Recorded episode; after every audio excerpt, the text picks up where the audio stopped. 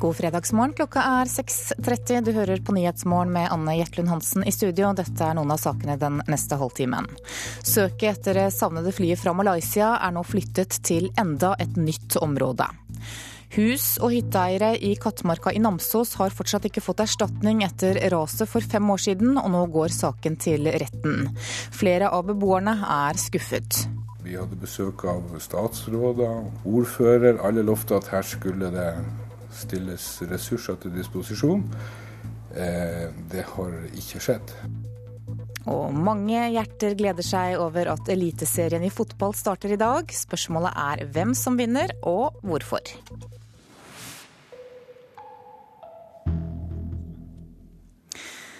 Søket med fly etter det savnede Malaysia Airlines-flyet er nå gjenopptatt etter en dag med dårlig vær i søkeområdet.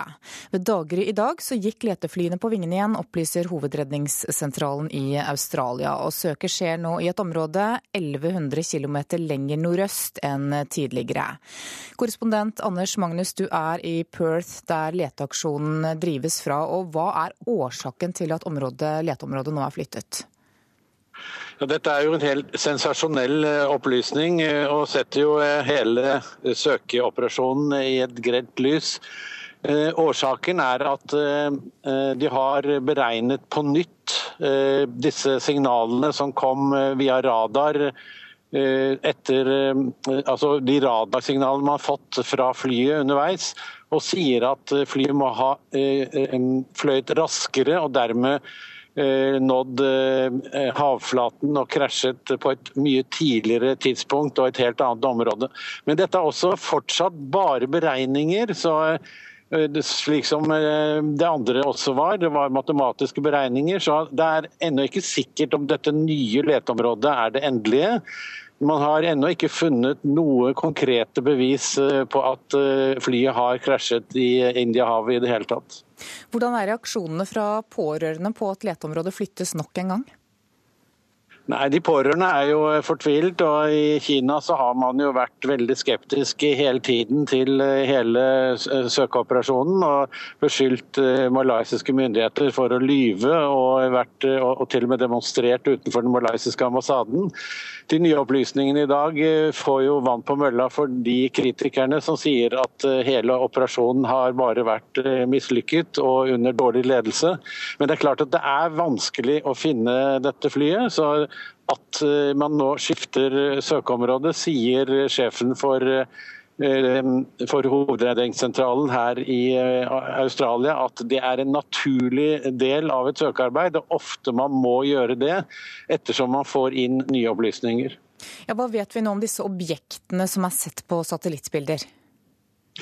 Ja, Det kan være skumtopper, rett og slett. Eh, noen eh, analyseeksperter som har sett mye bilder eh, fra satellitter, sier at det er vanskelig å skille hvitt skum på toppen av bølger med f.eks. skinnende metalldeler. Det kan også være skrot fra andre ting, fra kommersiell skipsfart eller noe som har, har, strømmet ut fra land med disse kraftige havstrømmene som er i dette området. Det vet man ikke.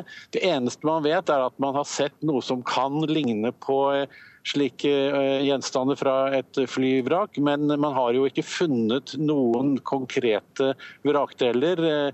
Man har ikke sett noen, og man har heller ikke kunnet ta noen opp i skip enda. enda det er eh, nå uh, seks skip i området og ti fly som har gått ut i dag. Takk skal du ha, korrespondent Anders Magnus. En romkapsel med to russere og en, amerikaner klarte å koble seg til den internasjonale romstasjonen i natt. Tekniske problemer gjorde at det tok ekstra tid, men romfarerne skal aldri ha vært i fare. Og gleden var stor da de første bildene kom fra romstasjonen, der de skal bo de neste seks månedene. And now uh, we are standing by for uh, the reopening uh, of the uh, Soyuz hatch and the subsequent welcoming ceremony with all six crew members together. Det tok litt lengre tid enn planlagt, men i natt kunne endelig de tre romfarerne slutte seg til mannskapet i den internasjonale romstasjonen som ligger 402 km over Brasil. Turen skulle egentlig bare ta seks timer, men tekniske problemer gjorde at de brukte to dager. First uh. Bilder viser hvordan de i vektløs tilstand nærmest flyter inn i romstasjonen, hvor de blir hilst velkommen av kolleger som allerede var på plass. Det nye mannskapet består av to russiske kosmonauter og en amerikansk astronaut. Men nede på landjorda er forholdet mellom Russland og USA ganske kjølig, som følge av russernes annektering av Krimhalvøya. Men politisk uro skal ikke få noe å si for samarbeidet på romfartsområdet, understreker en amerikansk astronautkollega. Og det er nok bra, for de tre skal nå tilbringe et halvt år sammen i romstasjonen. Reporter var Maria Abdli. 25 personer er evakuert etter at et garasjeanlegg i Skien sentrum brant i natt. De evakuerte bor i leiligheter tilknyttet garasjeanlegget, og ingen av dem er alvorlig skadde, forteller operasjonsleder i politiet Arne Gunnar Tollhaugen. Alle beboere måtte evakueres. Så Det er altså 25 personer som har måttet flytte ut før røyken trekte opp i, i, i bygget, antakeligvis gjennom ventilasjonsanleggene der. Så vi måtte flytte ut alle som har måttet overnatte på hotell i natt resten av natta. Og én person ble kjørt bort på legevakt til. Hus- og hytteeiere i Kattemarka i Namsos har nå bestemt seg for å ta kravene mot stat og kommune etter raset i 2009 inn for retten. Meglingen mellom partene har ikke gitt noen løsning, og skuffede beboere må derfor vente enda lengre på å få et økonomisk oppgjør. En av dem er Jan Roger Grannes. Vi var faktisk eh, bare vekka før i meglinga veldig optimistisk på, på, utfallet av den meglinga. Men eh, de tre dagene var veldig stor skuffelse. Det skar seg fullstendig. Det virka ikke som det var noe vilje til å Så av det kravet på 40 millioner, så ble vi tilbudt ti til sammen. Det andre var retten. Det er skuffa beboere som fortsatt ikke har fått erstatning fra stat og kommune etter raset som tok med seg rundt ti hus og hytter og ødela en vei og mange eiendommer. Raset ble utløst etter anleggsarbeid der Statens vegvesen og kommunen tok ansvar, men beboerne føler at alt blir trenert. Kjetil Kristiansen er en annen skuffa beboer på vei mot retten. Vi ble jo i utgangspunktet lovt eh, at eh, her skulle storsamfunnet ta seg av det. Vi hadde besøk av statsråder, ordfører. Alle lovte at her skulle det stilles ressurser til disposisjon. Eh, det har ikke skjedd. Ivar Hustad er kommunens advokat i saken. Han kommenterer utfallet av eh, det som har skjedd, sånn. Det har jeg for så vidt ikke noe verken positive eller negative kommentarer til. Det er jo forsøkt en eh, megling. Det er fremmet et tilbud fra stat og kommune mot de personene som man mener har et reelt krav. Så er det også fremmet en del krav som stat og kommune ikke mener er berettigede krav. Ja, Ivar Hustad er kommunens advokat i saken, og reporter her det var Kjartan Trana. Da skal vi se hva avisene har på forsidene sine i dag. Venstresidas lønnsadel er overskriften i Klassekampen. Avisa skriver at parti- og fagforeningskontingenten som du betaler, finansierer lederlønninger på godt over en million kroner til flere av lederne for venstresidas organisasjoner. LO-lederen har en lønn på over 1,2 millioner kroner. Lederen i Fagforbundet tjener over 1,1, mens lederen av tenketanken Agenda tjener 1,3 millioner millioner kroner. Regjeringen mangler ryggrad i tiggesaken, det sier ordføreren i Fredrikstad til Vårt Land. Han mener regjeringen legger opp til et svarteperspill i Kommune-Norge med lokalstyrte tiggeforbud. Selv har Fredrikstad laget en egen campingplass for tilreisende tiggere. Aftenposten har et stort bilde av abortmotstander Børre Knutsen på forsiden sin i dag. Knutsen sier at kampen mot abortloven har kostet barna hans dyrt. Dagsavisen forteller at Jens Stoltenberg var på jobbintervju til stillingen som generalsekretær i Nato i forrige uke, og at jobben kan bli hans allerede i neste uke. Nasjonen forteller at landbruksministeren møter motstand mot frislipp av melkekvoter. Konsekvensen blir nedlagte gårdsbruk, ifølge Bondelaget. Nordlys skriver historien om Katrine Karlsen, som følte at legen oppfordret henne til abort da hun ble gravid som 20-åring. Hun valgte likevel å bære frem barnet sitt. Dingsen som kan halvere TV-utgiftene, er overskriften i Dagens Næringsliv i dag. Det handler om Googles nye TV-pinne Chromecast, som gir deg muligheten til å strømme innholdet på fjernsynet ditt, og som derfor gjør at du kan klare deg uten kabelabonnement. TV-pinnen ble revet ut av butikkene allerede i løpet av en uke. VG skriver at nå kommer medisinen som kan redde millioner fra hjerte- og karsykdom. Mens Dagbladet forteller at lite søvn kan gjøre at du går opp i vekt.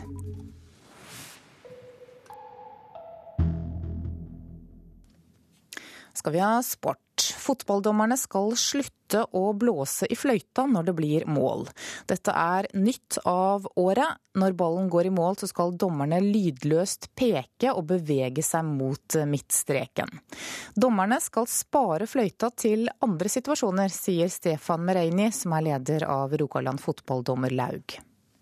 Når du starter kampen, da bare blåser du du skal spare på fløytesignalene, slik at når du kommer så langt at du blåser for en forseelse, så skal spillerne ha respekt for fløytesignalet. Stefan Merenji er leder i Rogaland fotballdommerlaug og klar for sesongstart. Til helga er det seriestart i Eliteserien, og fra neste uke av så er det full fart i de aldersbestemte klassene. Men det kan bli mindre blåsing i fløyta i år. For denne sesongen skal ikke dommerne blåse når ballen går i mål. Når dommeren ser at nå er det skåring, så skal ikke han blåse for å markere skåring, men han skal peke mot midten. Hvorfor ikke? For de mener det at skåringen blir ikke godkjent før avsparket er tatt. Skjer det litt hardere, stygge takling, så blåser du hardere i fløyten. Blir fløyten brukt for ofte, så blir dette her anmasende. Spillerne blir vant til at det blåser for ditt og blåser for datt. Blåser for innkast og blåser for ditt. ikke sant? Du misbruker fløyten på en måte. ikke sant? Ja, For alle oss som skal stå på sidelinja denne sesongen, vil vi merke ja. det at dommerne kommer til å blåse mindre i fløyta? Kanskje. Ja, det tror jeg nok, ja. For at eh, når det, når det er påpekt fra forbundet at du skal ikke bruke fløyte for mye, og Da blir dommere nødt til å akseptere de nye retningslinjene som kommer fra forbundet. Hallo, trekk litt lenger tilbake. Hvert år får dommerne nye regler og retningslinjer å forholde seg til. Denne sesongen skal de slå hardt ned på bisling. De som prøver å påvirke dommeren til å gi gult eller rødt kort til en motspiller, skal sjøl straffes med gult kort. Det vil vi ikke ha noen ting av. Han spilleren som prøver å forsøke å påvirke dommeren, han skal ha gult kort. Og det betraktes som usportslig opptreden. Med en gang? Første gangen det skjer? Første gang det skjer, ja. Tror du dette er noe som vi vil se mye av nå til å begynne med i sesongen? At uh, spillere får det, gult kort fordi de prøver å påvirke ja, dommeren til å dele ut gult kort til noen det, andre? Det kan godt være det, ja. Nytt av året er òg at det skal bli avholdt et fair play-møte før kampstart. Der dommer, lagkapteiner og trenere snakker sammen for at kampen skal foregå i ordna former, og de skal mane til at det blir en rettferdig og kjekk kamp. Da har du satt sluttstrek. Da er kampen ferdig. Ja, Stefan Mereni har vært fotballdommer i over 50 år og er nå klar for en ny sesong. Reporter var Johan Mile Laugaland. Og I dag så er det en gledens dag for mange, for i dag starter nemlig Eliteserien i fotball. Molde møter Vålerenga til sesongens aller første kamp. Og Fotballprogramleder her i NRK, Karina Olseth, hvordan er magefølelsen din før åpningskampen i dag? Nei, Jeg er jo veldig spent, og så håper jeg jo at det ikke blir så mye fløyteblåsing som det var i den saken vi hørte i sted her. For hvis det er tilfellet, så tror jeg ikke mange gidder å komme på kamp. Nei da. Jeg er veldig, veldig spent. Eliteserien er jo det vi fotballelskere gleder oss til hver eneste vår. Så det er det som er grunnlaget for fotballinteressen. Det er det du vokser opp med. Det er det som gjør at du, at du får lokal forankring, lokale helter. Så det er nok mange som er glad denne helga. Ja, hvilke forventninger har du til årets eliteserie? Jeg tror det kommer til å bli en veldig veldig jevn serie i år. Vi hadde jo en kjempejevn serie i fjor, men eh, det blir nok enda, enda jevnere og enda tøffere kamp om medaljene, tror jeg, i år. For det er flere lag som, eh, som kan hevde seg. Og i toppen så tror jeg gullet kan stå mellom tre lag. Så, så eh, nei, jeg tror det blir veldig jevnt. Veldig mye morsomt å, å følge med på. Ja, hvilke tre lag da? Det er Molde, det er Godset og det er Rosenborg. Og jeg tror Rosenborg Min favoritt er Rosenborg. De, de vant ingen titler i, i, fjor og har nok eh, ekstremt lyst på det. Eh, med, under ledelse av Per Joar Hansen så har han en, nå har han en, en, eh, veldig god stamme med veldig mange spillere som har vært i, i Rosenborg over tid. Det er både eldre, det er veldig unge spillere. En god miks.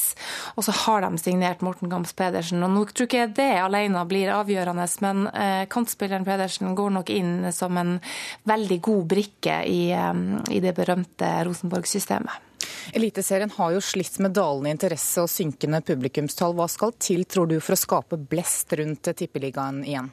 Nei, som jeg sier, så er jo Eliteserien er jo det som gjør at folk blir glad i fotball. Det er det som er nært, det er det som er lokalt. Og da, jeg tror det aller, aller viktigste for klubbene er å fyre opp under, være på plass, være, være ute blant folk og skape engasjement eh, hos sitt publikum. Og så tror jeg også det er veldig viktig at de satser lokalt, satser på lokale spillere. for eh, det er faktisk sånn at eh, man, man liker de nærme best. Eh, hvis man har en, en eh, fjern slektning eller en klassekamerat eller noe sånt, så går man på kamp for å følge med hvordan de gjør det. Så lokalsatsing, mer tydelighet, og så må man ha en totalpakke på stadion. Det nytter ikke å tro at fotballen alene dessverre kan, kan trekke masse folk på stadion. Du, du, må gi et tilbud som gjør at en familiesult er verdt å tilbringe tre timer på en stadion en, en kan være en veldig kald vårkveld eller høstkveld. Vi som er fra Nord-Norge vet jo alt om det.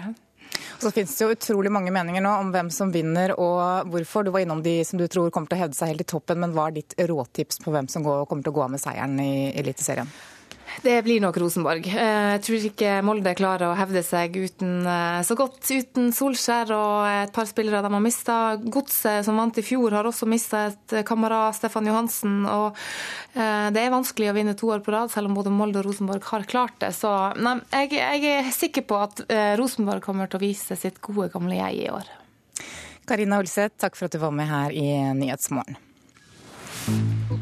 Nå er klokka 6.47, og dette er hovedsaker i nyhetene i dag. Søket etter det savnede flyet fra Malaysia er nå flyttet til et nytt område, og det gir kritikerne vann på mølla. En romkapsel med to russere og en amerikaner klarte å koble seg til den internasjonale romstasjonen i natt. Følg oss videre. Det er et problem at norsk kvalitetsfilm når ut til for få mennesker. Det mener direktør Lene Løken i Film og Kino.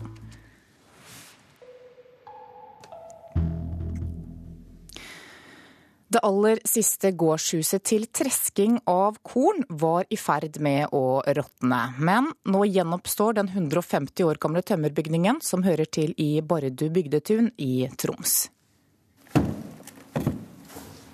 Vi vet ikke hva treningssenter er.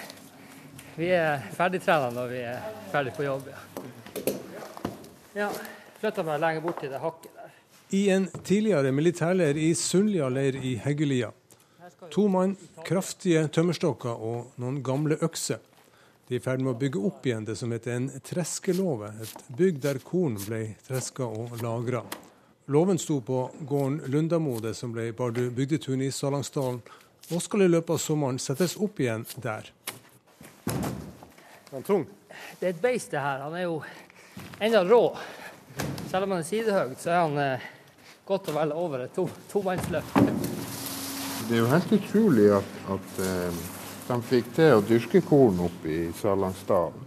Ole Grønvoll er håndverker og prosjektleder i Midt-Troms museum. Og her er jo nedtegna antall lass som er tatt inn. Ja. Her står det årstall 1925. 1920. Treskeloven består av tre rom, hvert på tre ganger seks meter. Den var bygd ca. 1870. Nå skifter de ut 14-15 stokker som var dårlige og stort sett alt av takåser. Akkurat i dette rommet så ble da eh, kornet tatt inn og, og eh, satt i, i, eh, sånne såter på gulvet til tørsking. Og når det hadde tørska lenge nok og var klart til tresking, så ble det håndtreska Og Da var det jo en såkalt slihjul som de sto og slo med. Og banka det på gulvet sånn at eh, kornet løsna fra halmen. Det var en slags treskemaskin, det var et, et håndapparat? Ja, det var altså en, eh, en kort stokk og en lang stokk som var festet sammen med et tau. Sånn at de holdt i den lange stokken, og så slo de på, eh, på byggen. Og den slihulen som det kalles for, som vi fant på låven her, den var laga Tauet var laga av tørska oksepenis. Det var eh, vel ekstra slitesterkt, for det klarte røyna jo godt på når de sto og slo i dagevis med den der. Så det var jo litt eh, spesielt.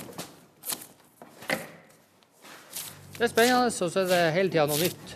Det er liksom selv om det tømmer dag inn og dag ut, så er det hele tida noe nytt. Pål Prestbakk hoppa av som snekker med moderne hus for å jobbe med laftinga. Vi prøver å imitere det mønsteret som har vært gjort tidligere.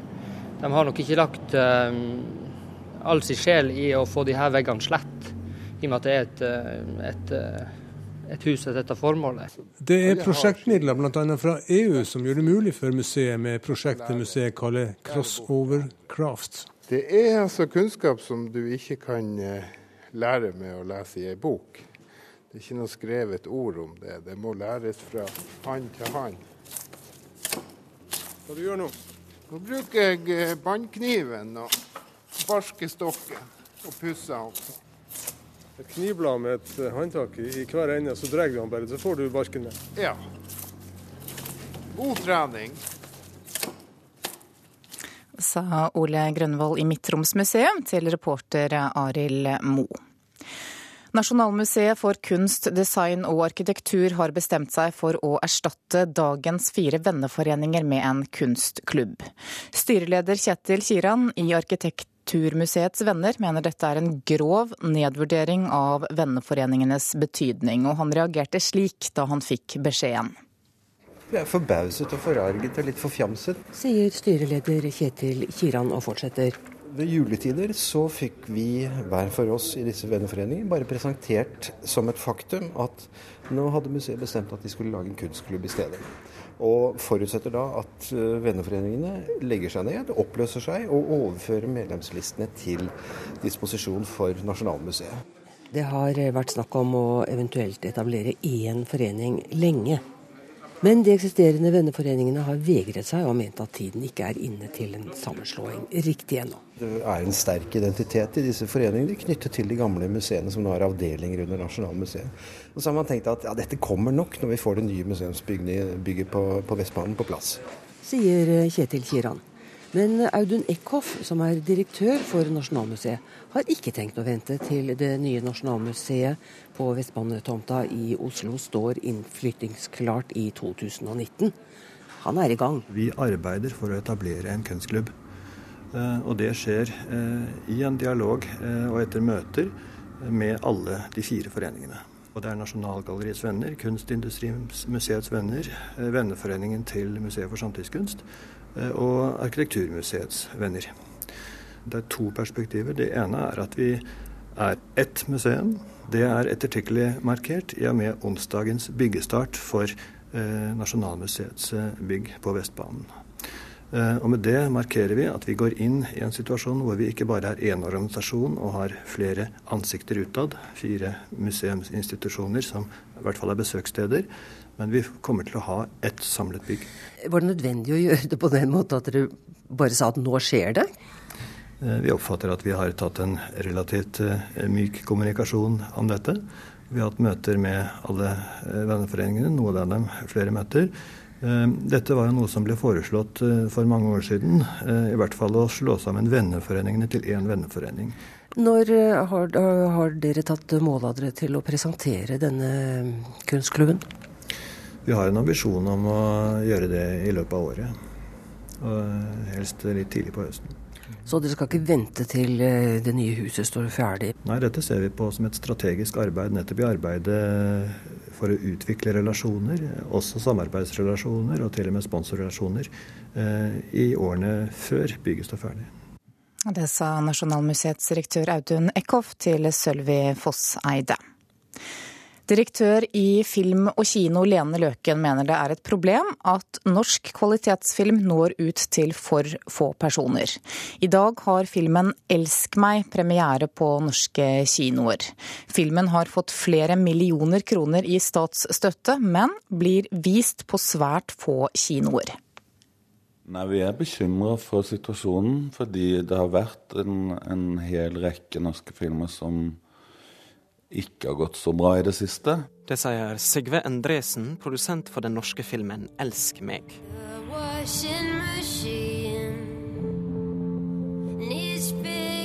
Har ikke hørt noe fra ham.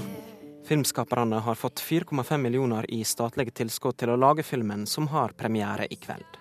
Men foreløpig blir han satt opp på bare 13 kinoer. Hvis man ser trenden over tid, eh, så føler jeg at det har blitt tyngre å få ut disse kvalitetsfilmene. Direktør i bransjeorganisasjonen Film og Kino, Lene Løken, mener at slike smale såkalte kvalitetsfilmer fortjener et større publikum. Hensikten med å lage film, og hensikten med å lage gode norske filmer, det er jo at vi skal kunne se dem på kino og andre kanaler. Eh, å lage mange filmer som ikke får noe besøk, det er ikke hensikten. Løken mener distributørene som selger og sender ut filmene til kinoene, bør legge mer arbeid i å få filmene ut til mindre kinoer. Norske distributører har en tendens til å begrense lanseringen eller utbredelsen av disse filmene til de største kinoene. Nei, Jeg kan forstått være enig at man godt kunne legge ned mer arbeid i det, men det må jo da lønne seg. Sier Guttorm Petterson, som leder organisasjonen for norske filmdistributører.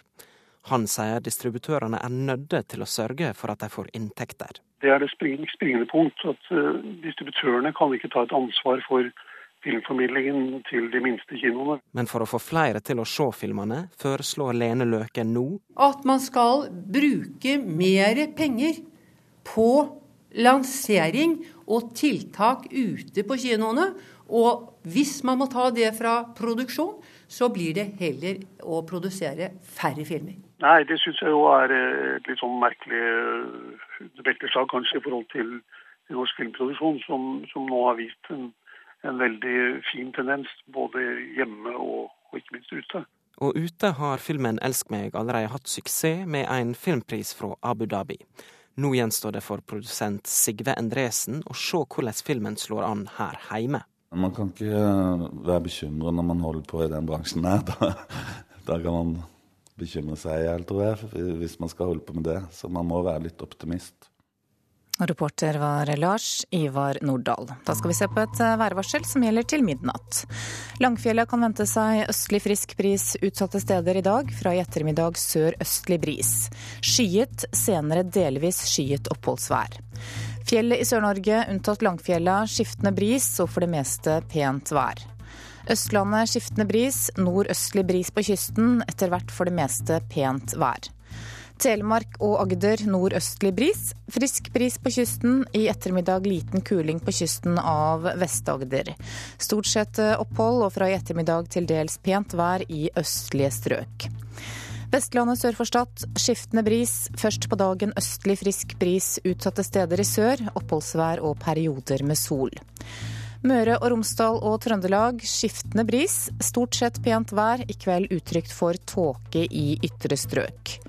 Nordland rolige vindforhold, oppholdsvær for det meste pent vær i sør. I kveld sørvestlig liten kuling i nord, og etter hvert spredte regnbyger på kysten. Troms økning til sørvestlig liten kuling utsatte steder. I kveld stiv kuling på kysten. Litt regn i ytre strøk, ellers opphold. Finnmark sørvestlig frisk bris. I kyst- og fjordstrøkene økende til vestlig stiv kuling. Regn eller sludd, vesentlig i nord. Og på Nordensjøland på Spitsbergen nordvestlig liten kuling utsatte steder. Enkelte snøbyger flest i vest. Så tar vi med noen temperaturer som ble målt klokka fire. Da hadde Svalbard lufthavn minus to grader. Kirkenes minus fem. Vardø minus én. Alta to. Tromsø fire. Bodø tre. Brønnøysund null. Trondheim minus én. Molde tre. Bergen og Stavanger 5, Kristiansand 6, Gardermoen 4, Lillehammer 3, Røros minus 9, og på Oslo-Blindern så var det 7 plussgrader klokka 4 i morges.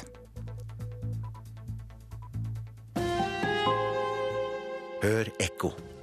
Ja, vi elsker å gå på shoppingsenter. Over 40% av handelen i Norge foregår der. Men ikke alle jubler, for det blir så stille i byene. Det er ikke lenger rift om den beste benken i sola på torget. Hvordan skal vi få norske byer til å blomstre? Ekko 9 11 i NRK P2. Ålesund havn krever tvangssalg av Hurtigruten. Og i dag starter Eliteserien i fotball, og sesongen blir jevn. Det mener vår ekspert. Her er NRK Dagsnytt klokken sju. Ålesund havnevesen har begjært tvangssalg av et hurtigruteskip pga. ubetalte havneavgifter.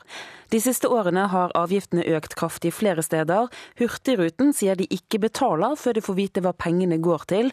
Ålesund havn bidrar nå til å øke konflikten, sier direktør i Hurtigruten Torgeir Engebretsen. Nei, altså Vi har mottatt det som heter for begjæring om tvangssalg av et skip. Eh, og Det har vel sammenheng med at det er en, eh, en, diskusjon mellom oss og Ålesund om, eh, om betaling av havneavgift. og Vi syns det er unødvendig eskalering det som skjer i Ålesund havn. Mange havner praktiserer havneloven feil og overfakturerer Hurtigruten. Så det vi ber om, eh, er rett og slett å få tilbakebetalt det som er innbetalt eller fakturert for mye. Og det andre er at vi ønsker en avtale. Og Havnefogden i Ålesund sier Hurtigruten ikke har noen saklig grunn til ikke å betale, og at fristen har gått ut. Søket etter det savnede flyet fra Malaysia er nå gjenopptatt etter en dag med dårlig vær. Søket er nå flyttet etter ny informasjon som tyder på at flyet kan ha flydd raskere enn hva man først antok. Søket skjer nå i et område 1000 km lenger nordøst enn tidligere. Jens Stoltenberg skal ha møtt Frankrikes president forrige helg, skriver Dagsavisen, og møtet skal ha blitt sett på som et jobbintervju til stillingen som Natos generalsekretær. Avisen skriver at møtet skal ha vært avgjørende for at Frankrike støtter Stoltenbergs kandidatur som ny Nato-leder. Styret i Arbeiderpartiet i Oslo vil stenge Oslo for biler som går på bensin og diesel. For å begrense forurensningen og biltrafikken i hovedstaden foreslås det kun utslippsfrie biler. Partiet mener også at parkeringsplasser i sentrum bør fjernes. Eliteserien i fotball starter i dag med at Molde møter Vålerenga til sesongens aller første kamp. Fotballprogramleder her i NRK, Karina Olseth, tror kampen om gullet kommer til å stå mellom tre lag.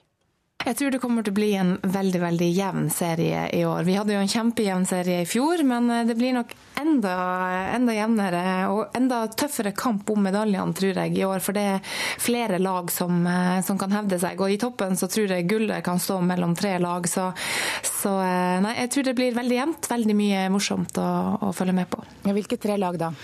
Det er Molde, det er Godset og det er Rosenborg. Og jeg tror Rosenborg Min favoritt er Rosenborg. De, de vant ingen titler i, i, fjor, og har nok eh, ekstremt lyst på det. Ja, det sa Karina Olseth til Anne Jetlund Hansen.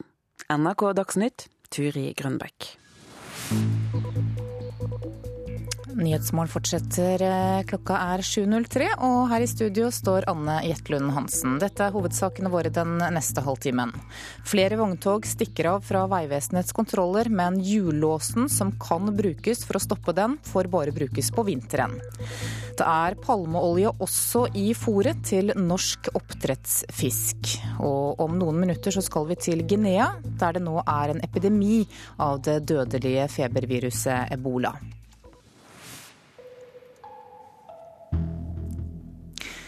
Flere og flere vogntog stikker av fra Vegvesenets kontroller uten skilter og papirer. Hjullås kan hindre at sjåførene drar videre i trafikkfarlige vogntog, men de blir bare brukt i vinterhalvåret. De bare reiser sin vei. De blir borte. De stikker rett og slett av altså fra kontrollstedet. Tungtransportkontrollør Åge Kristiansen finner fram ark på ark med inndratte kjøretillatelser. Bordet foran han er dekka av konfiskerte utenlandske nummerskilt. Jeg har jo et eksempel her. Da. Det er en, eh, den er eh, svenskregistrert. Den har fått så mye mangler på bremser at det er rett og slett uh, ubrukelig. Skiltene er tatt i beslag inntil det var, skulle foretas en reparasjon. Men uh, bilen bare forsvant. Vi har ikke sett noe mer til den. Så det er veldig betenkelig. Den har altså kjørt ut på veien uh, nesten uten bremser. Det her skjer nesten hver arbeidsdag på kontrollsentralen Taraldrud utenfor Oslo. Og de siste to årene har det skjedd stadig oftere, forteller Vegvesenets Region Øst, hvor mesteparten av utenlandsk tungtransport kjører gjennom. Vegdirektoratet kjenner til problemet, og derfor får nå alle landsdeler hjullåser som gjør det umulig å stikke av før feilen på kjøretøyet er fiksa. Men den er bare lov å bruke om vinteren, forteller Arne Valdemar Nilsen i Vegdirektoratet. Vi er i, i, i dialog med regionene, og de kan egentlig bare begynne å iverksette da, innenfor de rammene som vi har satt, og starte å implementere bruk av hjullås. Hvilke rammer er det dere har satt, da? Eh, det skal brukes eh, i vinterinnsatsen vår. Men om sommeren, hva skjer med hjullåsa da? Nei, I utgangspunktet så skal jo ikke det da brukes. Årsaken er forskrifter og regelverk som må endres før hjullåsen kan bli lovlig året rundt, forklarer Nilsen. Det er liten trøst for Kristiansen, for han opplever sjåfører som stikker av gårde i avskilta vogntog også etter snøen har smelta. Han mener hjullås er løsninga uansett. Det er noe vi ønsker oss, da, så vi kan plassere en sånn lås på et trafikkfarlig kjøretøy. Så da vil vi i hvert fall bli litt bedre rusta, hvis vi får det. Her har vi jo en fra Latvia som vi sitter igjen med kjennemerke og vognkort. og Forholdet her var at han ble stoppa dagen før i Seljestad, fikk kjøreforbud. Blir stoppa dagen etter av oss med de samme manglene. Ingenting er retta på. Og for å være sikre denne gangen, da, så tar vi altså av kjennemerkene, sånn at vi skal ha kontroll på kjøretøyet. Og vi kommer igjen neste dag, så er bilen borte. Den har reist sin vei. Papirene og skiltene ligger her, så Men det spilte tydeligvis ingen rolle. Reporter var Marit Gjelland. Og samferdselsminister Ketil Solvik-Olsen lurer også på hvorfor det ikke er lov å bruke hjullås hele året. Nei, Spør du meg, så spør jeg nesten deg. Dette burde jo vært lov allerede. Og vi ble fort oppmerksom på at hjullås ikke var noe en tok i bruk i Norge etter regjeringsskiftet.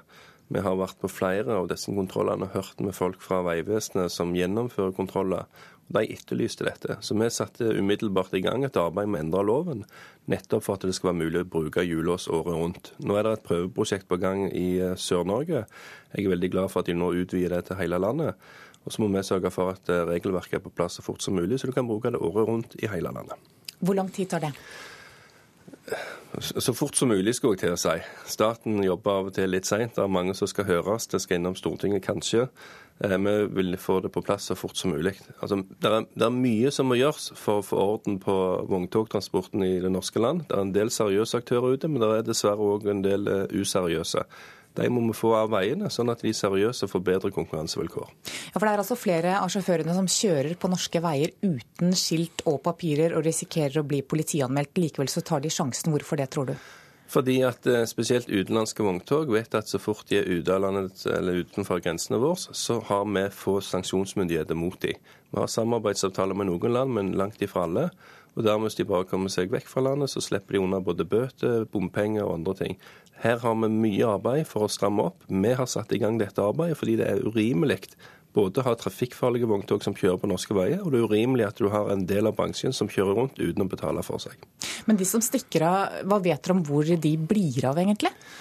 Noen av de fullfører gjerne oppdraget sitt i Norge, for de vet at sjansen for å bli tatt i kontroll er altfor liten. Vi har firedobla kontrollen denne vinteren sammenlignet med tidligere år, men det er fortsatt for stor sjanse å slippe unna.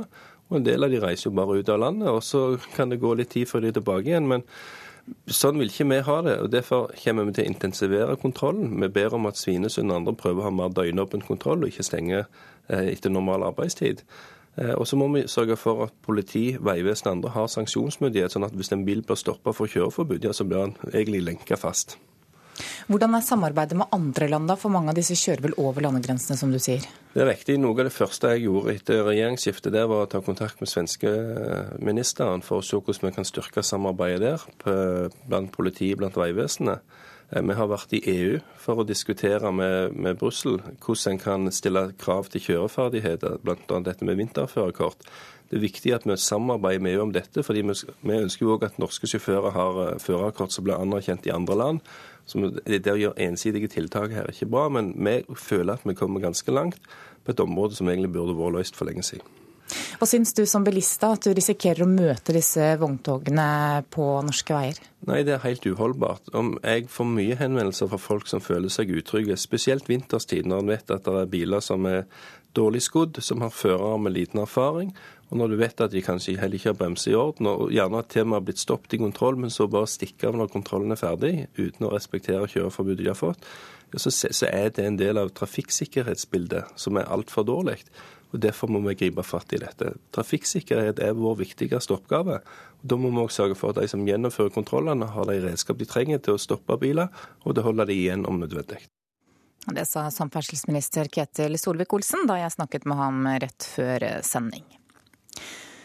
Det er palmeolje også i fôret som norsk oppdrettsfisk spiser. Det bekrefter fiskefôrindustrien.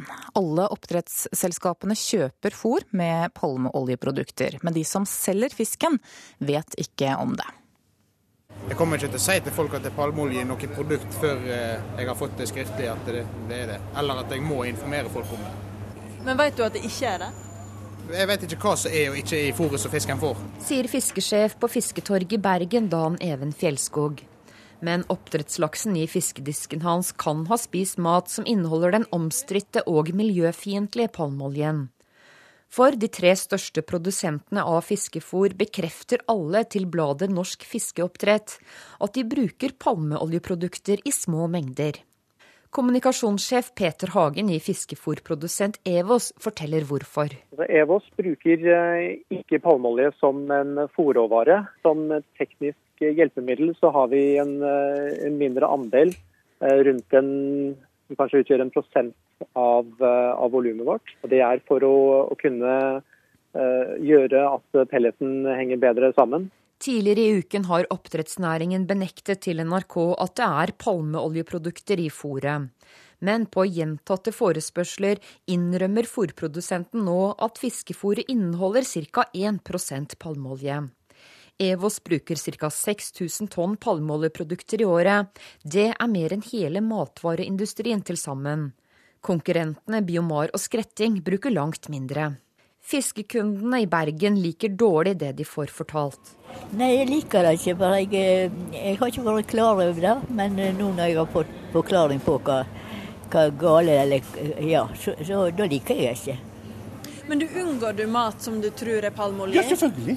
Men fiskesjefen på torget frykter ikke palmeoljen. Jeg syns oppdrettslaksen og annen oppdrettsfisk er veldig godt, og jeg slutter ikke å spise det uansett. Reportere her det var Line Tomter og Siri Kleiven Strøm. Leder i Framtiden i våre hender, Arild Hermstad. Vi snakker om veldig små mengder her. Det var snakk om 1% Hva er egentlig problemet med at det blandes bitte litt palmeolje inn i kraftfôret? Eh, det som er Problemet er jo at selv om det er en liten andel, så er fiskerinæringen så stor, altså oppdrettsnæringen er så enorm, at eh, det utgjør et betydelig kvantum. Altså det utgjør jo bare én eh, av fôr Produsentene bruker like mye som hele matvarebransjen til sammen. Det betyr at de har et stort ansvar, men det betyr òg at de har store muligheter til å påvirke palmeoljeselskapene. Eh, de trenger eh, et tydelig signal fra, fra, de som kjøper inn eh, varen, om at de ikke aksepterer den standarden som palmeoljeselskapene i dag står for. De er hovedgrunnen til at to av de viktigste regnskogene i verden, altså to av de viktigste områdene, er i ferd med å forsvinne. Henrik Stenvig, direktør for helse og kvalitet i Fiskeri- og havbruksnæringens landsforening. Tidligere i uken så benektet dere at palmeolje finnes i fiskefôr. Hvorfor mente dere at det ikke var verdt å nevne? Vi benektet ikke det. Vi sa at det ikke ble brukt som ernæring til fisken. Det ble brukt som teknisk hjelpemiddel for å stabilisere oljen som eh, brukes, vegetabilske oljen som brukes i fiskefôr istedenfor uh, fiskeolje. Hva syns du om kritikken fra Hemstad her? Nei, Det, det høyst relevant. Har, altså, kritikken er ikke relevant, men vi bruker altså, et svært liten del for å stabilisere oljen i pelletsene. Og det som uh, brukes av denne, denne råvaren, er uh, fra sertifiserte leverandører i forhold til bærekraft og sosial. Men selv om det ikke brukes i, i fôret, altså det blir jo brukt i fôret som et bindemiddel? Eh, ja, du kan kalle det stabilisator. Hvorfor bruker dere ikke noe annet enn palmeolje da, når det er blitt så uspiselig for mange? Fordi det er et uh, meget uh, godt produkt til det formålet. Og ernæringsmessig også, som, som Felleskjøpet har antydet, så er jo det ernæringsmessig godt produkt i tillegg. Men det, er, det, er det, det brukes ikke som ernæringsmiddel i fiskefôr. Altså, her gjør jo oppdrettsnæringen alle de klassiske kommunikasjonsfeilene som, som vi har sett at faktisk matbransjen i stor grad har klart å unngå. For det, for det første så benekter de at de bruker råvaren. Dernest så kommer det da en historie om at de bruker bare fra sertifiserte leverandører. Eh, det er ingen eh, sertifiserte leverandører i dag som kan eh, garantere at ikke man ødelegger regnskog. Sånn at de sertifiseringsordningene som finnes, er ikke gode nok. Og så later man som man ikke har noe ansvar. Det syns jeg også er, er, er, ganske grovt av bransjen. Og ikke være tydelig på at dette er et problem som vi ønsker å gjøre noe med. Eh, vi har også sett at eh, fiskefôrbransjen nå er en mangler åpenhet. De er ikke flinke til å fortelle hva fôret inneholder. Eh, de burde vært pålagt å merke det på fisken, at denne fisken har spist en viss type råvarer. Det syns jeg hadde vært et minimum som vi som forbrukere bør vite. Det er også et minimum som gjør at de vil måtte skjerpe seg og ha en helt annen holdning til hvor dette fôret kommer fra. Og Oppdrettsnæringen er svær internasjonalt den har en enorm mulighet til å påvirke altså hele bransjen. Eh, og jeg, jeg syns ikke at vi kan eh, være bekjent av en oppdrettsnæring i Norge som syns det er helt greit å bidra til regnskogsrasering. Vi vet også at norske myndigheter bruker enorme summer på å prøve å bidra til at vi ikke skal hogge ned eh, verdens siste regnskoger. Ja, Stenvik, hvorfor merker dere ikke varene med hva de inneholder, altså, altså at det er brukt palmeolje i fôret? Det brukes veldig mange typer råvarer i fiskefôr. Og eh, kundene til fiskeforprodusentene har full innsikt i sammensetningene i fôret. Men hvorfor vet ikke jeg det når jeg kjøper fisk?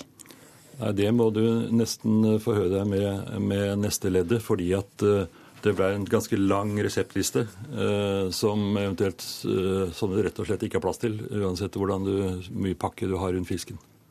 Hva slags ansvar tar dere da, når det gjelder bruk av palmeolje i, i altså Er det noen debatt rundt dette her i bransjen? Ja, i høyeste grad. Og dessuten, så, som, sagt, som jeg sa, så har palmeolje en god eh, ernæringsmessig sammensetning også for fisk. Kanskje særdeles eh, grad for fisk, men likevel brukes det ikke av de hensyn som, eh, som her ble nevnt. Og det er nå også en gang slik at Verdens villmarksfond mener at det er greit å bruke palmeolje når det kommer fra sertifiserte produksjoner. Dette er totalt uvitenhet, det du legger for dagen her. Det er ingen av de store miljøorganisasjonene, verken Greenpeace, WWF eller noen andre, som syns at sertifisert eh, palmeolje er greit. Det vi har sagt, er at man kan jobbe for å få en sporbarhet. Det er enormt krevende. Eh, oppdrettsnæringen er ikke i nærheten av å gjøre det. Og den debatten du viser til i næringen, den fins ikke. Det er ingen eh, Det har til nå ikke vært kjent at man bruker det. Det er ingen av oppdretterne som er klar over det. Og det at det fins veldig mange typer råvarer i i fòret, er jo Jeg syns ikke det er betryggende i det hele tatt. Tvert imot så syns jeg det tyder på at her, eh, her må oppdrettsnæringen være mye mer åpen, og de må være mye mer ydmyk i forhold til den kritikken som, som både sivilsamfunnet, forbrukerne og faktisk også folk i næringen kommer med mot, eh, mot de store oppdretterne. Jeg syns ikke fiskeri- og havbruksnæringen eh, viser noen som helst ydmykhet i forhold til at de faktisk er de er enormt svære på palmeolje. De, altså, de, forbruker mer enn hele matvarebransjen gjør til sammen. Og i matvarebransjen har vi sett en revolusjon. Det er altså mange som har faset det ut. Eh, de har funnet gode erstatninger, og de har vært åpne om, om at de ønsker å gjøre noe med problemet. Stenvik, du må få svare på det veldig kort til slutt. Jeg har du lest vår miljø, miljørapport. Der står hva fôret er sammensatt av. Og utviklingen har vært å redusere bruken av marine råvarer. Tre fjerdedeler av fôret er vegetabilske råvarer, og det har en helt annen eh, teknologisk kvalitet enn fiskeolje. Så det er for å produsere sjømat i store mengder at dette er gjort. Henrik Stenvik i Fiskeri- og havbruksnæringens landsforening og Arild Hermstad i Framtiden i våre hender. Fint at dere kom til Nyhetsmorgen. Nå er klokka blitt 7.18, eh, og dette er hovedsaker i dag. Flere vogntog stikker av fra Vegvesenets kontroller, men hjullåsen som kan brukes for å stoppe dem, kan bare brukes på vinteren. Søket etter det savnede flyet fra Malaysia er nå flyttet til et nytt område, og det gir kritikerne vann på mølla. Og følg oss videre. Ideen om lysende elgskilt langs veien blir nå eksportert til Zanzibar, der de skal redde truede aper.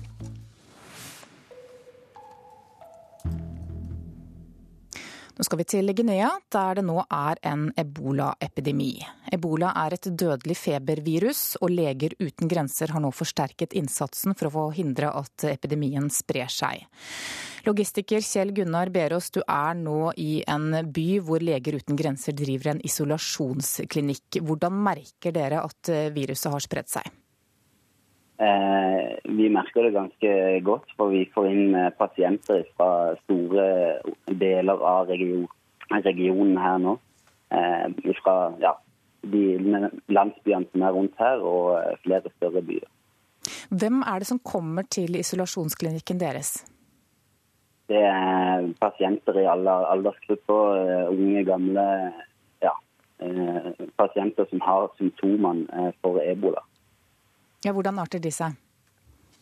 Eh, det arter seg eh, ja, Det er et medisinsk spørsmål, men, men det er hovedsakelig eh, feber, eh, vondt i halsen, eh, eh, typiske svakhetssymptomer. Og så, og så forsterker det seg videre da, senere. Og Hva gjør dere med dem når de kommer til deres klinikk? Vi, vi gir de symptombehandling ja, Vi behandler de symptomene som de har, eh, med feber, eh, kvalme, oppkast osv. Og, og så eh, ja, ja, gir vi de den behandlinga som vi har til rådighet nå, da. Du, hvordan forholder lokalbefolkningen seg til at viruset er i ferd med å spre seg? Eh, i starten så var det ganske kaotisk, men vi begynner å få kontroll på situasjonen nå. Vi har team eh, ute i eh, områdene, i landsbyene, i byene rundt her, hvor de driver med, med ja, helsereklame, holdt jeg på å si. Og oppdaterer de hva som skjer underveis. Og, og så har vi satt opp en alarmstasjon. Så hvis det er noen som som får symptomer eller at det er dødsfall rundt i landsbyen, så tar de kontakt med oss direkte, så vi sender eh, team ut med en gang. Viruset har også spredd seg til nabolandet Liberia. Hvor alvorlig er det dersom sykdommen sprer seg videre i landene rundt? Eh, det kan fort bli ganske alvorlig, men eh, nå jobber vi ganske godt med å kartlegge situasjonen både i Guinea og Liberia. og ja, det er noe som, som legger oss til å jobbe godt med nå. Da. Vi, eh, vi har store team som jobber med det. Her i studio er du Kyrre Lind, programsjef i Leger uten grenser. Aller først må du forklare hvorfor ebola er så farlig. Det er eh, farlig rett og slett fordi det har en enorm dødelighetsrate. Det har en dødelighetsrate på mellom 25 til 90% Og den varianten vi ser nå i Guinea, har Eh, i den høyere skala, altså svært dødelig. Og så er det ingen eh, adekvat eh, kur mot ebola. Og som Kjell Gunnar sier nå på telefon fra Guinea, så er det det vi kan gjøre, er å behandle symptomene. Altså feber, oppkast, hodepine. Alle disse her tingene her som tar liv. Det kan vi behandle. Men det fins ingen vaksine, og det fins ingen kur. Hvem er det som rammes?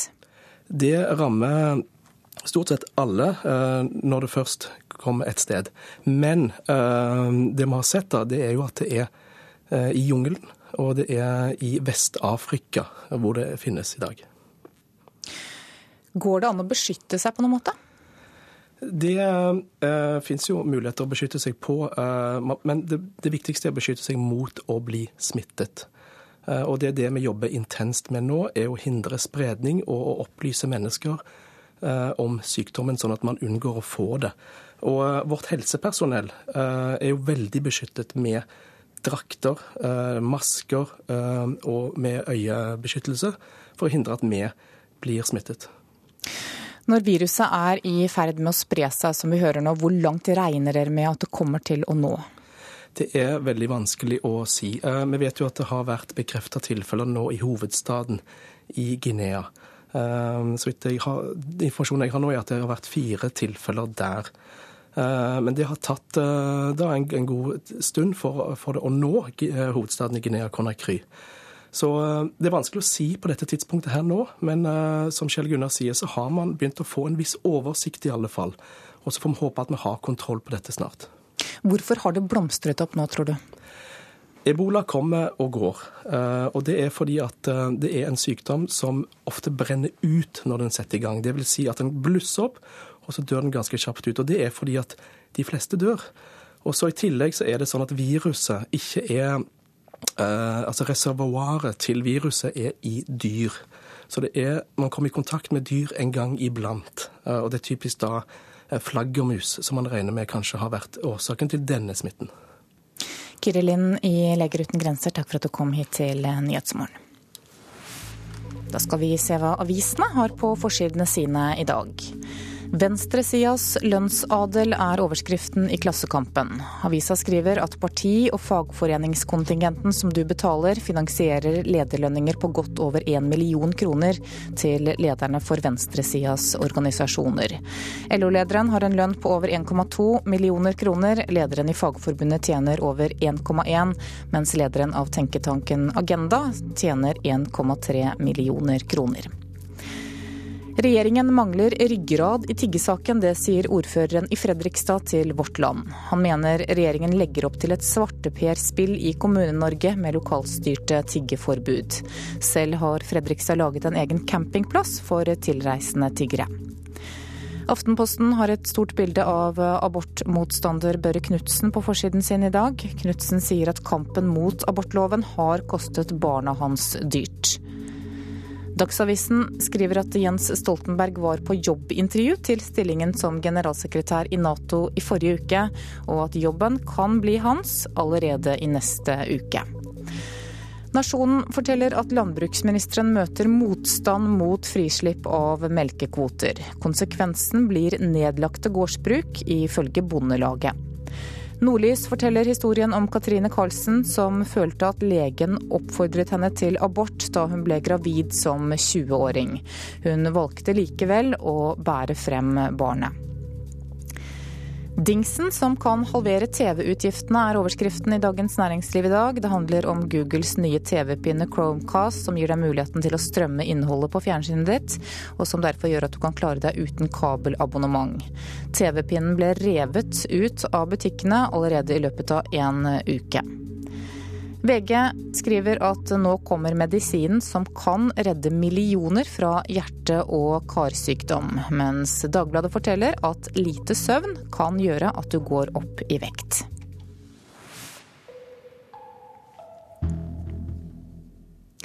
Midt i Østerdalsskogen er det sådd et gründerfrø som kan bære frukter langt utenfor Norges grenser. Imsa Knowledge Company heter bedriften fra Stor-Elvdal som i forrige uke lanserte lysende elgskilt langs rv. 3. Og nå skal patenten brukes til å redde truede aper på Zanzibar. Stein Bie ønsker oss velkommen inn i gamle Koppang stasjon. 70-åringen har kjøpt den gamle bygningen for at det skal huse gründerbedriften Imsa Knowledge Company. Det er den datamaskinen som nå styrer de nye elgskiltene som står på grensen mellom Storedal og Rendalen langs rv. 3. Hele tiden så tar denne datamaskinen og regner ut sannsynligheten for at det kommer elg på vei, og så slår den av eller på skiltene. De dynamiske elgskiltene som i forrige uke ble satt opp på rv. 3 i Stor-Elvdal, og som nå kan dukke opp flere steder i Norge, er en av ideene som er klekka ut i det lille kontoret her. Den ideen at du kan ta en modell av hvordan dyr beveger seg i naturen, og så knytte varselskilt til disse modellene, det er noe som ikke har vært prøvd før. Vi har eh, meget stor interesse i Slovakia, hvor det er hjort og villsvin det dreier seg om. Det er en forskningsstiftelse i Tyskland som vurderer å gi oss penger når det gjelder hjort og villsvin i Tyskland. Og samtidig kommer vi nok til å gå over grensen til Sverige, hvor elgplagen er minst like stor som den vi har i Norge. Men nå kan også patenten bli brukt for å redde apekatter på Zanzibar. Så vi har blitt bedt av eh, en nasjonalpark på Zanzibar sammen med universitetet på Zanzibar om å forsøke å lage tilsvarende skilter som vi har her oppe langs rv. 3 på Zanzibar for å sikre at de røde kollebusapene som går over en hovedvei, at de har en bedre sjanse til å overleve. Det er bare 2000 røde kollebusaper igjen i verden. Skiltene med apekatter, hjort eller villsvin vil neppe bli produsert i lokalene til gamle Koppang stasjon. Men kunnskapen til når de skal lyse, etter hvordan dyra beveger seg, vil det bli forska på her. Den pensjonerte professoren i landbruksforvaltning tror ikke han blir rik av prosjektet. Men det er han heller ikke spesielt opptatt av. Hvorfor skal jeg være redd for det? Det er, mye, det er, mye, finere å gjøre noe morsomt og noe man mener er viktig for samfunnet. Så får man heller få det på sin himmelske konto og ikke på den jordiske. Ja, Det sa den 70 år gamle gründeren i Stor-Elvdal, nemlig Stein Bie. Og reporter her, det var Anne Kari Løberg. Klokka nærmer seg 7.30 og Dagsnytt. Produsent for Nyhetsmorgen i dag er Marit Selmer Nedrelid, og her i studio Anne Jetlund Hansen.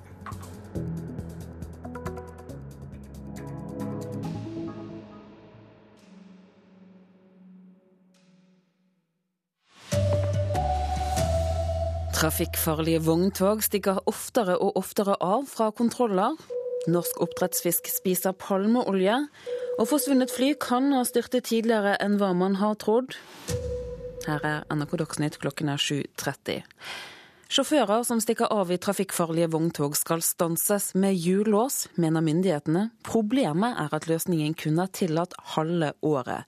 Stadig oftere stikker sjåførene av etter kontroller uten skilter og papirer.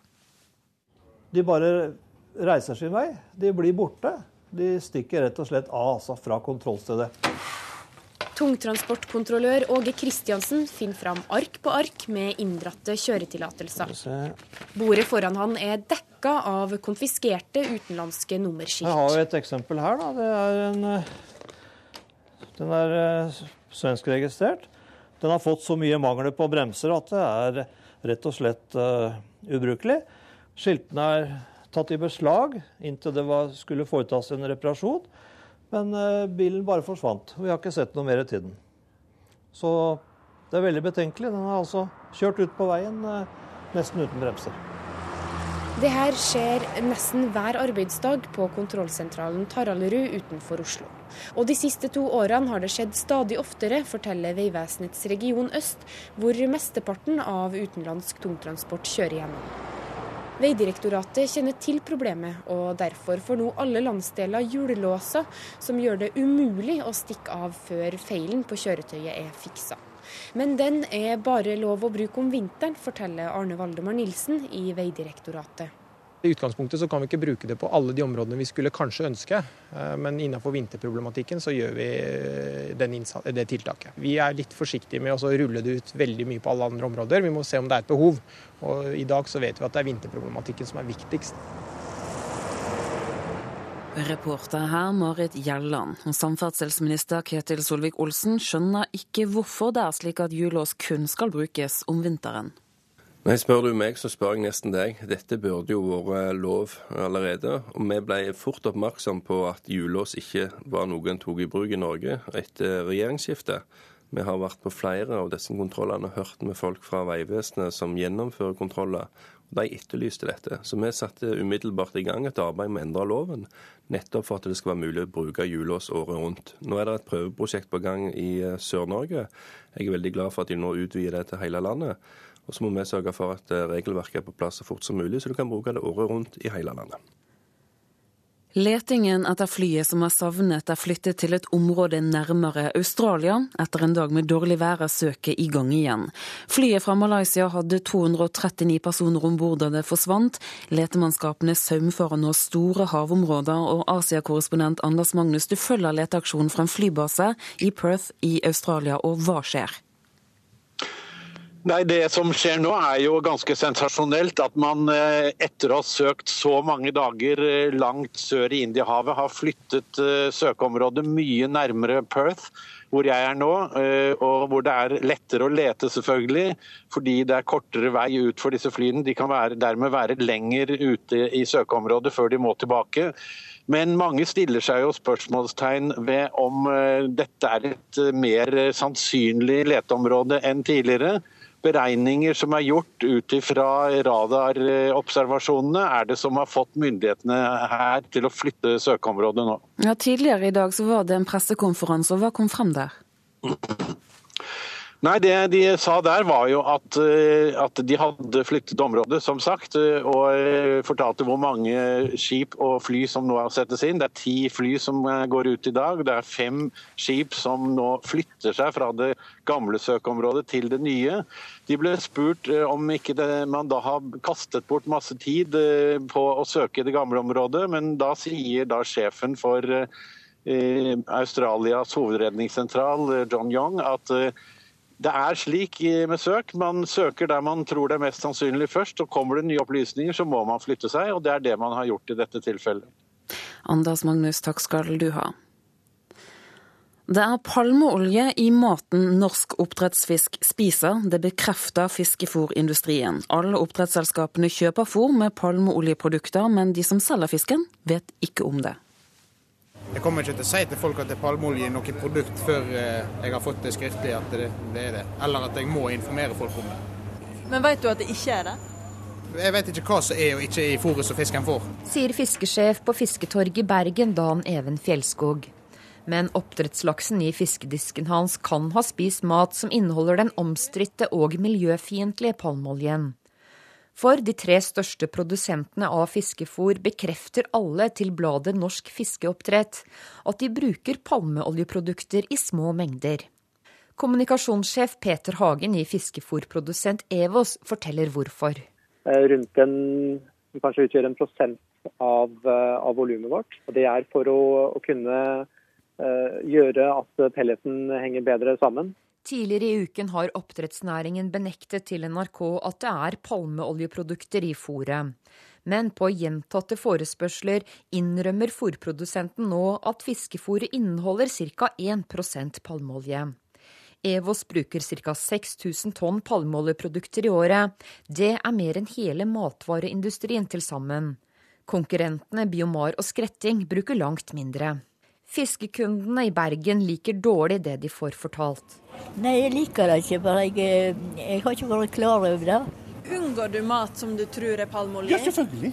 Men fiskesjefen på torget frykter ikke palmeoljen. Jeg syns oppdrettslaksen og annen oppdrettsfisk er veldig godt, og jeg slutter ikke å spise det uansett. Reportere her Line Tomter og Siri Kleiven Strøm. Oppdrettsnæringen får ufortjent kritikk, sier Henrik Stenvik, direktør for kvalitet i Fiskeri- og havbruksnæringens landsforening. Han mener næringen er flink, som kun bruker palmeoljeprodukter som et bindemiddel. Altså, kritikken er ikke relevant, men vi bruker altså, et svært liten del for å stabilisere oljen i pelletsene. Hvorfor bruker dere ikke noe annet enn palmeolje da, når det er blitt så uspiselig for mange? Fordi det er et eh, meget eh, godt produkt til det formålet. Intervjuer var Anne Gjertlund Hansen. Arbeidet med å frakte de to omkomne finske dykkerne ut av Pluragrotten i Rana i Nordland fortsetter i dag. I går ble det kjent at ni finske dykkere hentet de døde opp fra 112 meters dyp til et tørt sted i grotten i en privat aksjon. De døde dykkerne omkom i begynnelsen av februar. Det er nå klargjort til å fraktes ut, forteller politiet. Ungdom sover for lite, og flere får psykiske lidelser av det, ifølge sykehuset i Vestfold. De unge prioriterer heller sosiale medier, spill og film, og risikerer å bli syke av det. Uh, timer, tror jeg. Seks timer. Sju. Fire timer. Fem. Åtte timer. Søvnen varierer blant ungdommene vi treffer på gata i Tønsberg. De fleste av dem burde sovet mer, sier Hilde Tafjord, avdelingsoverlege ved barne- og ungdomspsykiatrisk avdeling ved Sykehuset i Vestfold. Kanskje de aller fleste trenger et sted mellom åtte og ti timer. De unge får naturlig nok problemer med å stå opp, og konsentrasjonsproblemer. Men det kan også få langt verre konsekvenser. En god del av de får også psykiske vansker pga. søvnmangelen. Og det som ser ut som depresjon, angst, atferdsvansker eller irritabilitet, kan ha sin bunn i for lite eller for dårlig søvnkvalitet. Reporter Rune Kristoffer Holm. Påbudet om hjelm i norsk boksing må endres raskt. Det sier president i Norges bokseforbund, Odd Hoktor Slåke. I går ble Norge suspendert fra all internasjonal amatørboksing. I ytterste konsekvens kan norsk toppboksing bli helt borte, sier Slåke. Dersom vi ikke får forandra de forskriftene, så eh, kan man like godt legge ned norsk boksing. Det sier en bekymra boksepresident Odd Haktor Slåke.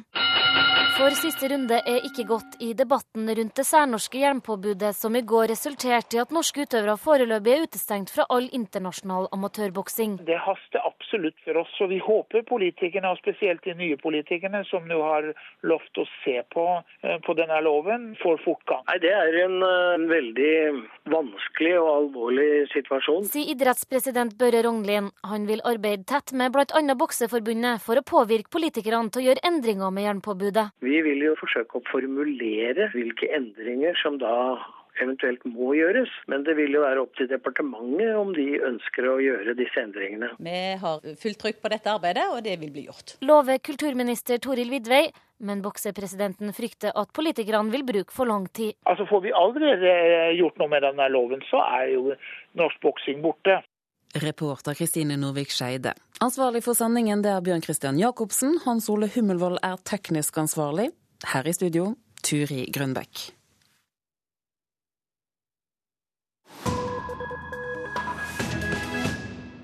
Klokka er 7.40 og Nyhetsmorgen fortsetter. Den arabiske liga møttes denne uken for å se på problemene i sin region. Krisene er mange og store, men de 22 araberlandene ble ikke enige om noe, bortsett fra én sak. Arabiske sjeiker, emirer og andre kongelige, de er der alle sammen i sine elegante distasjer og hvite hodeplagg. Palasset de møtes i er storslagent og luksuriøst. Det er tross alt oljerike Kuwait som inviterer de 22 araberstatene til stevne brødre imellom. For mange søstre er det ikke her. Fra bildene å dømme anslår jeg kvinneandelen til 1% Og da snakker vi om rådgivere eller tilhørere. Men hysj, nå begynner møtet. Kuwaits emir sjeik Saba al-Ahmed al-Saba, som er 87 år, har ordet.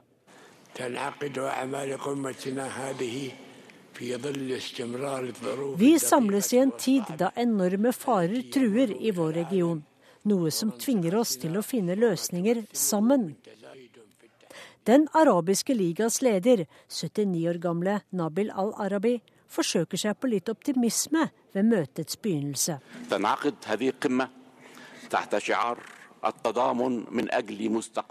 Samhold for en bedre fremtid er slagordet for dette møtet. Og jeg ser frem til å sette dette ut i praksis, så vi kan overvinne den delikate situasjonen vi har mellom våre arabiske nasjoner. For er det noe den arabiske verden har nok av, er det problemer, eller utfordringer som det kalles nå. Borgerkrigen i Syria, et voksende syrisk flyktningproblem, Al Qaidas fremvekst, politisk uro i Egypt der flere hundre muslimbrødre er dømt til døden. Den sterke misnøyen med Qatar som støtter brorskapet, mens Saudi-Arabia og andre har stemplet islamistene som terrorister. Vi gir ordet til Saudi-Arabias kronprins Salman bin Abdulaziz al-Saud, snart 80 år.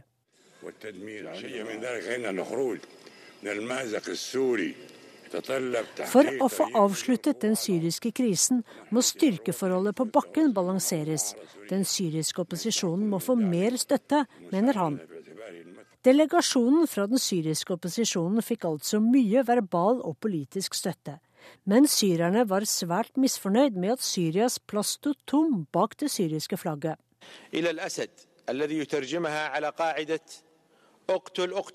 At stolen står tom er et signal til Bashar al-Assad om at du kan bare drepe og drepe, for stolen din venter på deg når du har fullført krigen. Nå har Vesten mislykkes i å bevæpne oss, men hva hindrer dere, våre arabiske brødre, i å gi oss et sete her, spør Ahmed al-Jamra, som representerer syrerne på araberstatenes møte. Ligaens leder al-Arabi lot den syriske opposisjonen få delta på møtet, men ikke som representant for Syria. Dere har ingen stat, ingen regjering, så hvilken autoritet har dere? brummet Iraks utenriksminister Sebari mot syrerne. Bare én sak greide de å samle seg om, å stå imot israelsk press president Mahmoud Abbas. Abbas fikk enstemmig støtte for å nekte å anerkjenne Israel som en jødisk stat. Dette begrepet er vanskelig, bl.a. fordi 20% av Israels statsborgere er arabere. Men de ble ikke enige om noen av problemene dem imellom. Som den arabiske ligaens leder klokelig måtte innrømme til slutt. Det er urimelig å tro at vi kan løse våre uoverensstemmelser i løpet av bare to dager.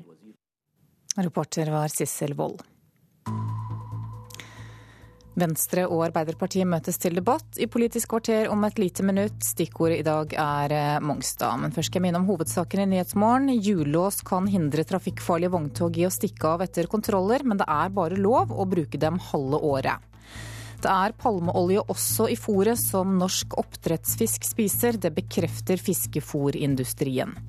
Og søket etter det savnede flyet fra Malaysia er nå flyttet til et nytt område. Det skjer etter indikasjoner på at flyet fløy raskere enn tidligere antatt.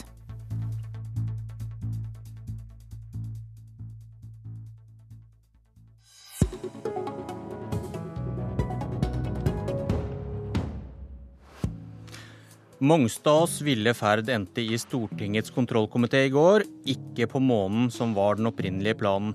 Men noen gjør sitt for at de rød-grønne skal se stjerner og planeter likevel. Venstres Abid Raja kommer med en rett høyre. Det er flaut å se hvordan de rød-grønne forsøker å skrive om historien. Hvis du hører godt etter, kan du kanskje høre Martin Kolberg ta av seg silkehanskene nå. Saksordfører Abid Raja fra Venstre.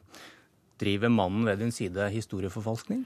Nei, det er ikke bare mannen ved siden av som er utfordringen. Vi må skru liksom tiden tilbake til en nyttårstale eh, hvor Jens Stoltenberg lovet nasjonen Norge en stor drøm om at man skulle få til fullskala renseanlegg på, eh, på Mongstad. Den store månelandingsprosjektet. Det havarerte. Og straks eh, Riksrevisjonens rapport var lagt frem, de hadde skrinlagt dette prosjektet, og debatten var i gang, så har da Jens Stoltenberg brukt all den tid deretter til å forklare at testsenteret på Mongstad var den ekte månelandingen. At det var egentlig ikke så viktig med fullskalaanlegg i det hele tatt. Det er historieomskriving. Det er, og det har han gjort i direktesendte TV-kanaler her i NRK. Eh, og det mener jeg er å, å kaste blår i øynene på, på, folket og bevisst forsøke å villede. Og det er flaut? flaut. Jeg, jeg syns det ikke tjener politikerne til ære. Eh, det er mye mer rakrygget at man sier at eh, man forsøkte, men man hadde ikke kostnadskontroll, og det gikk feil, og det havarerte. Det mye, hadde vært mye mer rakrygget av mannen ved siden av meg også, at han hadde innsett at Riksrevisjonen som det uavhengige organ som kontrollerer staten, når de kommer tilbake med en rapport som er så knusende over hans egen regjering, så bør han iallfall være litt flau når han sier at de tar fullstendig feil. Og det er ingenting kritikkverdig ved den avgåtte regjeringen når det gjelder deres håndtering av CO2-fangst og -lagring. Og dette her er ikke bare tap for nasjonen Norge og klimapolitikk i Norge. Dette er også et tap for hele verden, fordi at Norge skulle vise hvordan man kunne klare å realisere dette. Det har man ikke klart. Så er det altså dette regnskapet som skal gjøres opp i ettertid. Og selv da ser man ingen feil. Eh, og kanskje man skulle lært litt og hørt litt på Raymond Johansen, som sier at kanskje man har vært seg sjøl gode og så arrogante at man ikke engang ser feil. Man ser altså ofte splinten i andres, men ikke bjelken i sitt eget øye leder av kontrollkomiteen, Martin Kolberg fra Arbeiderpartiet. Knytter du neven nå? Ja, både ja og nei. Altså, det var jo en veldig stor visjon vi tok uh, fatt på med Stoltenbergs tale, uh, uh, hvor han kalte det for en månelanding. han ga ikke noe løfte, men han sa det var en visjon. Og Det som er sannheten, og som arbeidet i kontrollkomiteen har vist, både gjennom kontrollkomiteens eget arbeid og alle de høringene vi har hatt, veldig omfattende, både av politikere og av eh, de som har stelt med dette, altså de som kan det, de som er eh, vitenskapsfolk, for å bruke et sånt uttrykk, dokumenterer jo at alt har vært prøvd og alt har vært gjort for å forsøke å få dette til på en ordentlig og på god måte. Og Det som er en overraskelse for meg, for å bruke sånt uttrykk, det er jo at de borgerlige partiene, og særlig Høyre, vil jeg si, rett retter en så sterk kritikk mot Statoil og mistenkeliggjør Statoils ambisjoner med eh, prosjektet. Statoil var den eneste operatøren som på en saklig og ordentlig måte kunne eh, gjennomføre dette prosjektet. Eh, og blir altså nå mistenkeliggjort i retning av at dette har de ikke gjort med god vilje. De har hatt andre planer, de har tenkt annerledes, og derfor har også dette prosjektet havarert. Det er uriktig. Og jeg mener at Statoil har godt gjort at de har gjort hva de kunne for å få det til. så vil jeg si en ting til som jeg mener er viktig å få sagt i starten av denne samtalen. Det er at vi står igjen med et meget viktig teknologisenter.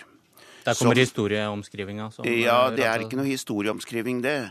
Altså, jeg, jeg har ikke noe saklig kunnskap om dette, selvfølgelig. Men jeg har hørt på alle som er møtt i Stortinget, fra alle forskjellige hold, som har kompetanse på dette, både nasjonalt og internasjonalt, som har sagt at dette senteret er meget verdifullt for framtida. For uten CO2-fangst og en god teknologi på det, så vil vi ikke klare å håndtere de store miljøutfordringene. Slik at det å skrive dette ned på den måten som Abid Raja og flertallet i komiteen gjør, mener jeg er meget uriktig og uheldig for Norge. Det er mye viktigere at man snakker opp det senteret, enn at man snakker det ned. Jeg håper eh, lytterne noterer seg at eh, den kritikken som Riksrevisjonen har løftet frem, og som jeg nå startet med å innlede med, det er ikke det Martin Kolberg snakker om. Han snakker om Høyre og forholdet til Statoil. Det er det som er hans hovedanliggende her, å avspore debatten til å handle om det. Det er ikke det Riksrevisjonens rapport dreier seg om. Den dreier seg om at Jens Stoltenbergs store prestisjeprosjekt, som vi har brukt milliarder av kroner på, offentlige penger, har blitt holdt kunstig i live fordi at det var et prestisjeprosjekt for denne regjeringen. Og så har den fullstendig havarert. Så kan man stille spørsmålet burde man ha stanset dette prosjektet langt tidligere, og har man holdt det kunstig i live fordi at det var et så stort prestisjeprosjekt. Så kan man stille spørsmålet hadde man reelt sett egentlig tatt denne beslutningen lenge før valget i forbindelse med revidert budsjett 2013, eh, også litt sånn teknisk dette her, men i mai så sier man i fjor, så sier man i mai så sier man vi skal komme til å bruke 35 millioner kroner mer på fullskalaprosjektet. Fire måneder etterpå, når man har tapt valget, så sier man at man skal skrinlegge det. Og det var en plutselig beslutning som ble tatt da. Du mener det var taktisk for å ikke bli straffet av velgerne? Ja, det er for å sitere Jeg vil si dette er ganske gode journalister i Dagens Næringsliv, troverdige journalister som, eh, som sjelden, eller om jeg vil si aldri, skriver ting som ikke er riktig. Eh, og de har eh, slått dette opp sterkt og stort, også andre medier har fulgt opp, eh, at interne kilder i regjeringa, som ikke vil stå frem og fortelle, men tett plasserte kilder i regjeringen, har sagt at den reelle beslutningen var tatt lenge før, men man var redd for hvordan velgerne kom til å reagere, hvordan dette kom til å slå inn på valget, og så valgte man å tie om dette til valget var over, og så skrinla man det. Det. Det er jo virkelig alvorlig. Har Raja dokumentasjon på det han hevder? Nei. Og Derfor er det uh, bemerkelsesverdig Raja og for så vidt flertallet i komiteen med så stor styrke indikerer det han nå sier, uten at de har noe holdepunkt for det. Uh, det er to punkter i dette. Det ene er litt teknisk, men jeg tar det med allikevel. Nemlig påstanden om at uh, nærmest at regjeringen skal begynne å fortelle Stortinget om sine indre politiske avveininger. Det har aldri skjedd. Og det skal være veldig interessant å få høre om eh, representanter for den nåværende regjeringen mener det som Høyres og Fremskrittspartiets representanter i komiteen mener, at det er riktig at, Høyre, at regjeringen går til Stortinget med sine indre politiske avveininger. Det har aldri skjedd før, og jeg tror ikke de mener det nå, men de skyver det foran seg.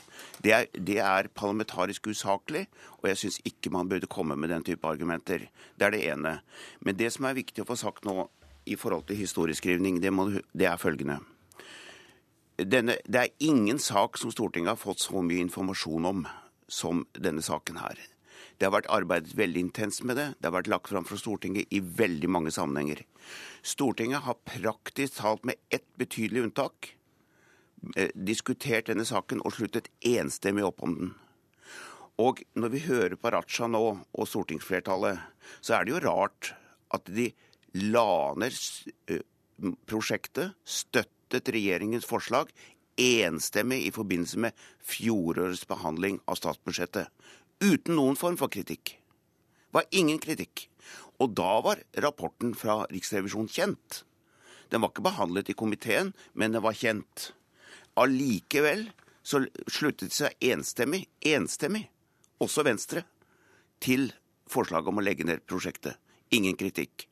Nå er det brei kritikk. Og det er det som kalles for politisk etterpåklokskap. Av verste skuffe, altså.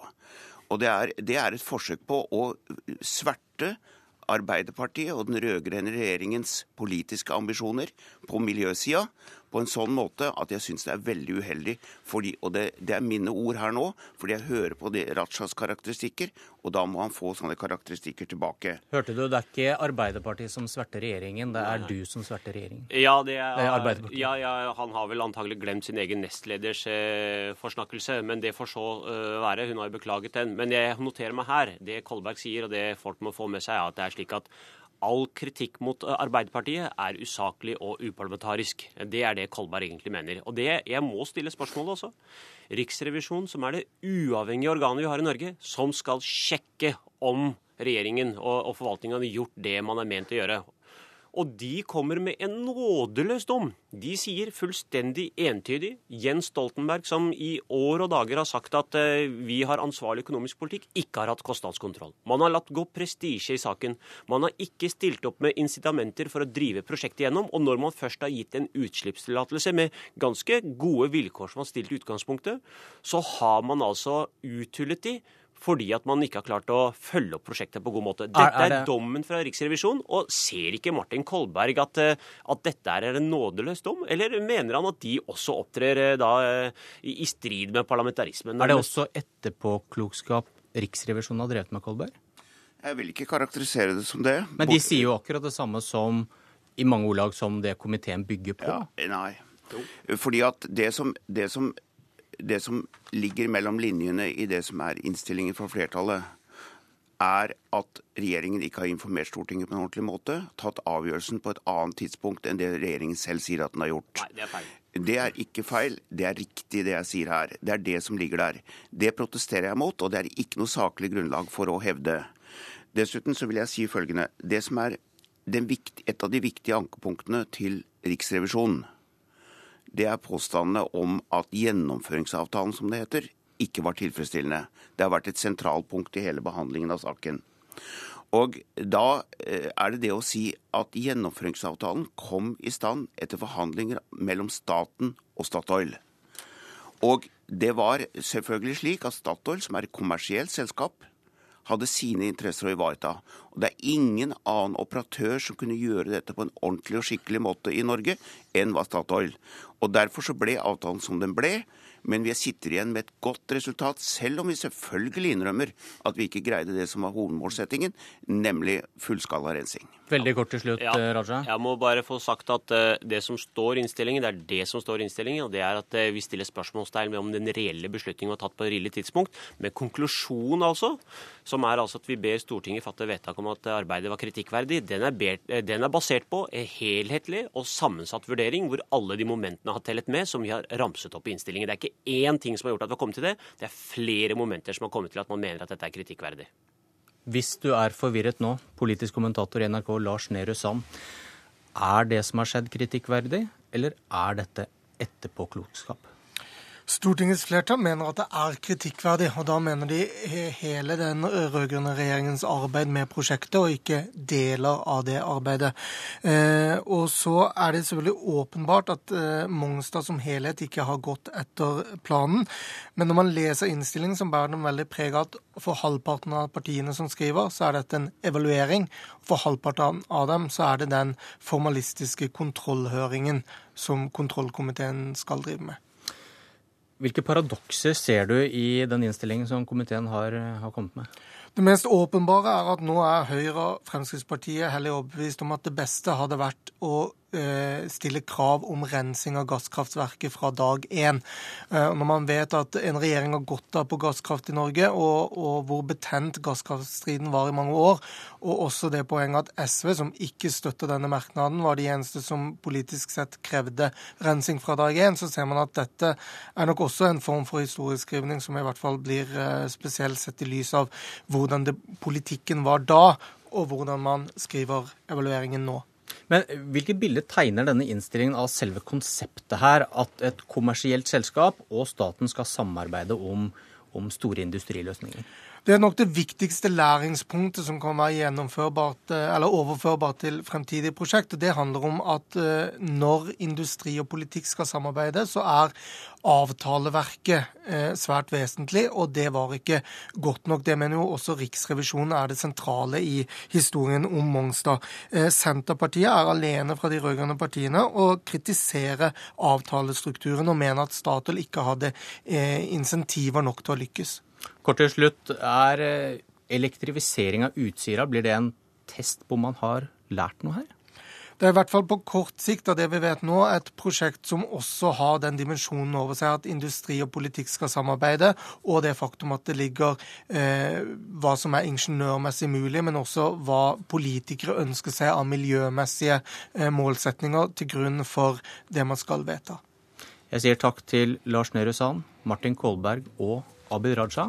Politisk kvarter er slutt. Jeg heter Bjørn Myklebust.